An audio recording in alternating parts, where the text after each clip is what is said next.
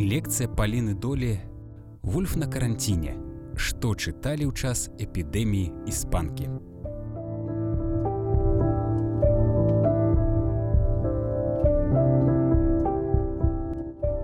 Всю свою гісторыю чалавецтва перажывала ўсялякія катастрофы і пандэміі і наше сённяшняе становішча канешне не унікальнае э, бо ўсяго 100 гадоў таму скончылася эпідэмія іспанскага грыпу якая нарэшце нібыцца увогуле э, знікла з калектыўнай памяці. І дарма.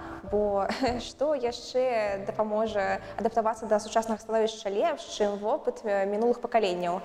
У 1918 1920 годах у людзей не было магчы магчымасці напрыклад звязацца з сябрамі праз зум глядзець серыялы ўвесь дзень альбо працаваць на аддаленцы але ў іх былі кнігі і час на іх чытанне але што чыталі як пісалі і як увогуле перажывалі эпідэмію іспанская грыпу ну вось зараз разбярэмся па-першае такое незвычайнае пытанне якое можа зацікаць напэўна самых заўзятых аматараў кніг што было з бібліятэкамі а Канешне, пандэмія даволі моцна паўплывала на ўсе сферы чалавечага жыцця ў той час. І, канешне, бібліятэкі не былі выключэннем. Яны даволі пацярпелі, па ім яна балюча ударыла. Бо большасць публічных бібліятэк былі зачынены яшчэ ў 1918 годзе на перыяд пандэміі.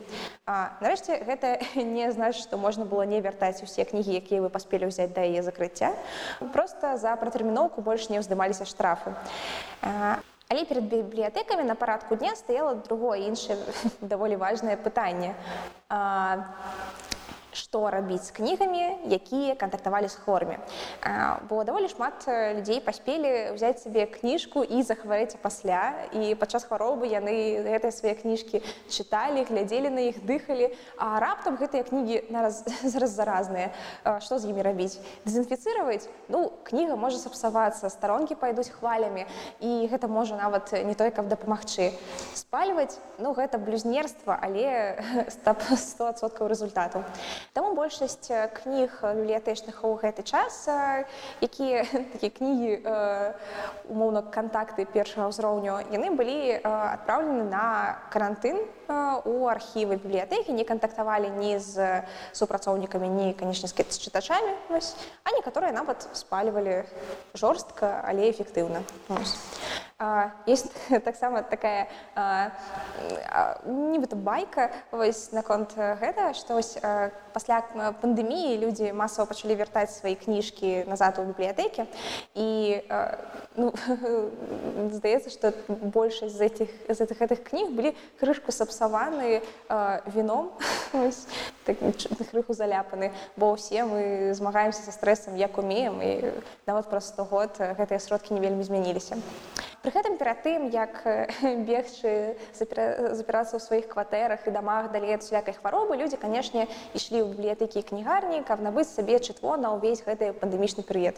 Часопіс лос-анджелес таймс за 1919 год узгадвае што адно з сваіх артыкулаў што ў гэты час людзі актыўна бралі ў бібліятэках кнігі на гістарычную тэматыку і на ваенную каб была ну, толькі крышку менш папулярная што тычыцца кніжных крам там актыўна людзі набывалі сабе часопісы і ну, усялякія перыядычныя кніжнае выданне гэта было настолькі пулена што ў некаторых з іх пачалі з'яўляцца такія спісы рэкамендаваных кніг для чытання вось падчас пандэміі здаецца неяк так і з'явіліся такія першыя кніжныя блогі дарэчы наконт згаданай ваеннай тэматыкі яна была папулярная ну не просто так даволі відавочна што ў гэты час у самым разгары першая сусветная вайна таму людзі былі зацікаўлены ў гэтай тэме ўвогуле і ім у асноўным патрабавалася нейкая надзея і падтрымка не толькі тым хто быў у мірных гарадах але і тым хто быў на фронте і вось тут з'явіўся такі вялікі попыт на больш танныя выданні папулярных кніг. І гэта вельмі моцна падтрымала кніжную індустрыю бо ў гэты час не хапала персаналу не хапала паперы не хапала грошай і часу. Але вось выдавецтва такіх вот простенькіх кнігаў тонкай вокладкі з дрэннай паперай яно дапамагло застацца выдавецтвам на плаву. Ну і канешне падтрымлівала салдат на фронте ў гэты час у акопах і шпіталях чыталі ўвогуле ўсё што ім перадаюць ад драйзера да зборнікаў анекдотаў. Але быў асабліва кранальны такі попыт на кніжкі аб тым як пісаць любоўныя лісты сваім каханым Канешне, эпідэмія іспанскага грыпу адбілася не толькі на творчасці, але і на саміх пісьменніках, якія пісалі гэты час. Гэта даволі добра бачна па кожнаму іх лісту і па кожнай старонкі дзённіка. Напрыклад, Вірджынія Вульф была хворая на іспанскі грып ажно два разы. У першы раз яна ўзгадвае, як пасля хваробы першы раз выйшла ў сад, каб пачытаць Шекспіра і гэта была ну, сапраўды зборнік яго санетаў быў першай кнігай, якую яна смагла ўзяць рукі пасля таго, як стала з ложку. Другі раз іспанка спаткала яе пры канцы 19 года і тады пісьменніца пераключылася на мемуары і всякія біяграфіі. Таму тады яна чытала мемуары графа Чарльза Ворбіка і аўтабіяграфічную кнігу шляхам сія плоці Сыбіля Батлера. Яна называла абедзве гэтыя кніжкі такім ідэальным чытвом для хваробы, бо яны часам такія нудныя, што хочацца жыць. Англійскі паэт Уилфред Оуэн гэты час з галавой патануў у чытанні у паэзіі Джон Кітс, Персі Шэллі, Ейц і нават рабіндранат Тагор быў сярод яго такіх настольных кніжак.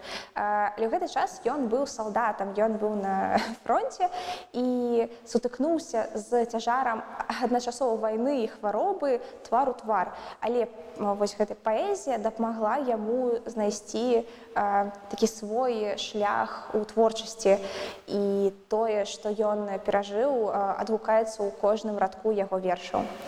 Другі паэт з іх рыцасу ну, у сваіх дзённіках гэты час узгадвае, як падчас таго, як ён быў у шпіталі з іспанскім грыпам, ён адкрыў для сябе Андрэй барбюса і яго раман у агні.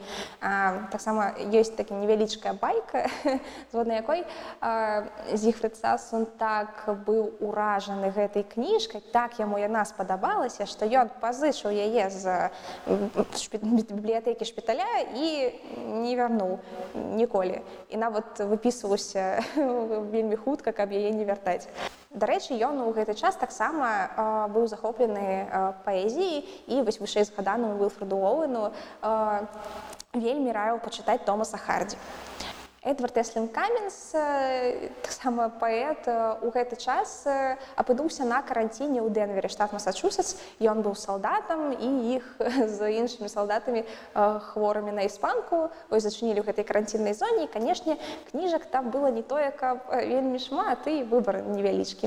Але яму ў рукі трапіла такое свежае выданне ў ліса Джойса і крыху літаратурнай крытыкі. І ён нават быў вымушаны ва ўсё гэта паглыбіцца, але гэта ну, значна паўплывала на яго творчасць далейшым. Увогуле мы даволі шмат ведаем пра тое, што чыталі людзі ў гэты час пры ну, дзякуючы часопісу пабліша свыклі, які выходзіў у ЗША з пачатку 1900 гадоў і ну, непасрэдна публікаваў спісы бестселлераў як у Амерыкі, так і ў заходняй Еўропе. Напрыклад, дзякуючы пабліша свыклі, мы ведаем, што ў 1918 годзе сваю папулярнасць актыўна набіраюць вестэрны, а першыя радкі ўсіх спісаў бестселлераў займае Зейн Грэй заснавальнік гэтага жанру. Тэхаскі рэйнджер, ось памяжоўлі ён, усе гэтыя кніжкі пра прыгоды людзей у дзікіх прэрыях паміж індейцамі і прыродай, яны захвочваюць чытачоў толькі так. І, канешне, даволі шмат для папулярнасці гэтых вестэрнаў ну, зарабіла тое, што яны такія дазвалялі абстрагавацца ад усіх жахаў, якія навокал нам ад вайны і хваробы і уявіць сабе такім каўбоем, які на сваім кані ляціць у стэп і змагаецца за ўсім і канечне перамагае. Другой канечне папулярнай тэматыкай была ваенная Але цікава тое, што ў гэты час набіраюць папулярнасць кнігі з такімі моцнымі жаночымі персонажамі. Ну і непасрэдна кнігі пісьменніц. Напрыклад, у гэты час актыўна скупаюць кніжкі Мэры Сінклер і Мэры Робертс Хрейнхарт, а ў продаж выходзіць моя Антонія Уиллы Кэсер і адразу ось, становіцца адным з бестселлераў і ўвогуле вельмі папулярнай кніжкай не толькі сярод жанчын, але і ввогуле. У 1919 годзе ваенная тэматыка некалькі пацясняе вестэрны і на першыя радкі ў спісе бестселлераў выходзіць ходзіць кнігі залатая страла Джозефа Конрада і чатыры вечнікі апакаліпсіса вісенты бласка і баніса. Дарэчы, ваенныя кнігі тых гадоў яны такія даволі прадузятыя і поўныя гэтай фронтавой рамантыкі. Але ну, зразумела, гэта было патрэбна і тым, хто зараз ось, быў на фронте і тым, хто чакаў салдат з вайны. Таксама з цікавых кніг, якія выйшлі ў гэты год, можна згадаць луну і грош мерсета маема. Яе чытачы таксама полюбілі крыху пазней, але зараз яна не толькі ў спісе мастхэва чытацкага, але і ў кожным з нашых сэрцаў. У 1920 годзе вестэрны зноў бяруць сваё і Зейн Грэй адваёўвае сабе назад усе першыя радкі ў спісах бестселлераў. Але разам з ім ваенная тэматыка даволі хутка страчвае свае пазіцыі і яе пасняюць не толькі вышэскаданай вестэрны, але і дэтэктыўныя трылеры і раптам рамантыка. Напрыклад, у кнігарнях актыўна скупаюць кнігу у вытокаў ракі Джеймса Кэрвуда і Гарріты Пайпер Кэтлін Норрис. Таксама ў продаж выходзяць такія даволі значныя для гісторыі чытання кнігі, як эпоха нявіннасці Туортон і галоўная вуліца Сінклер Льюіса. Абедзве яны прэтэндавалі на пуліцарскую прэмію, таму можете заўважыць, што ў гэты час чытача з'яўляецца такі густ да добрай літаратуры. У пачатку мінулага стагоддзя чалавецтва перажыло адразу пандэмію, вайну і шмат яшчэ якіх катастроф, але людзі ўсё роўна заходзілі ў сябе сілы на тое, каб чытаць знайдзіце і вы. Возьмите за ўсе кнігі якія вы кінулі на палове і не забудьте запісаць свой спіс прачытанага пра 100 гадоў гэта будзе сапраўдная вынаходка для навукоўцаў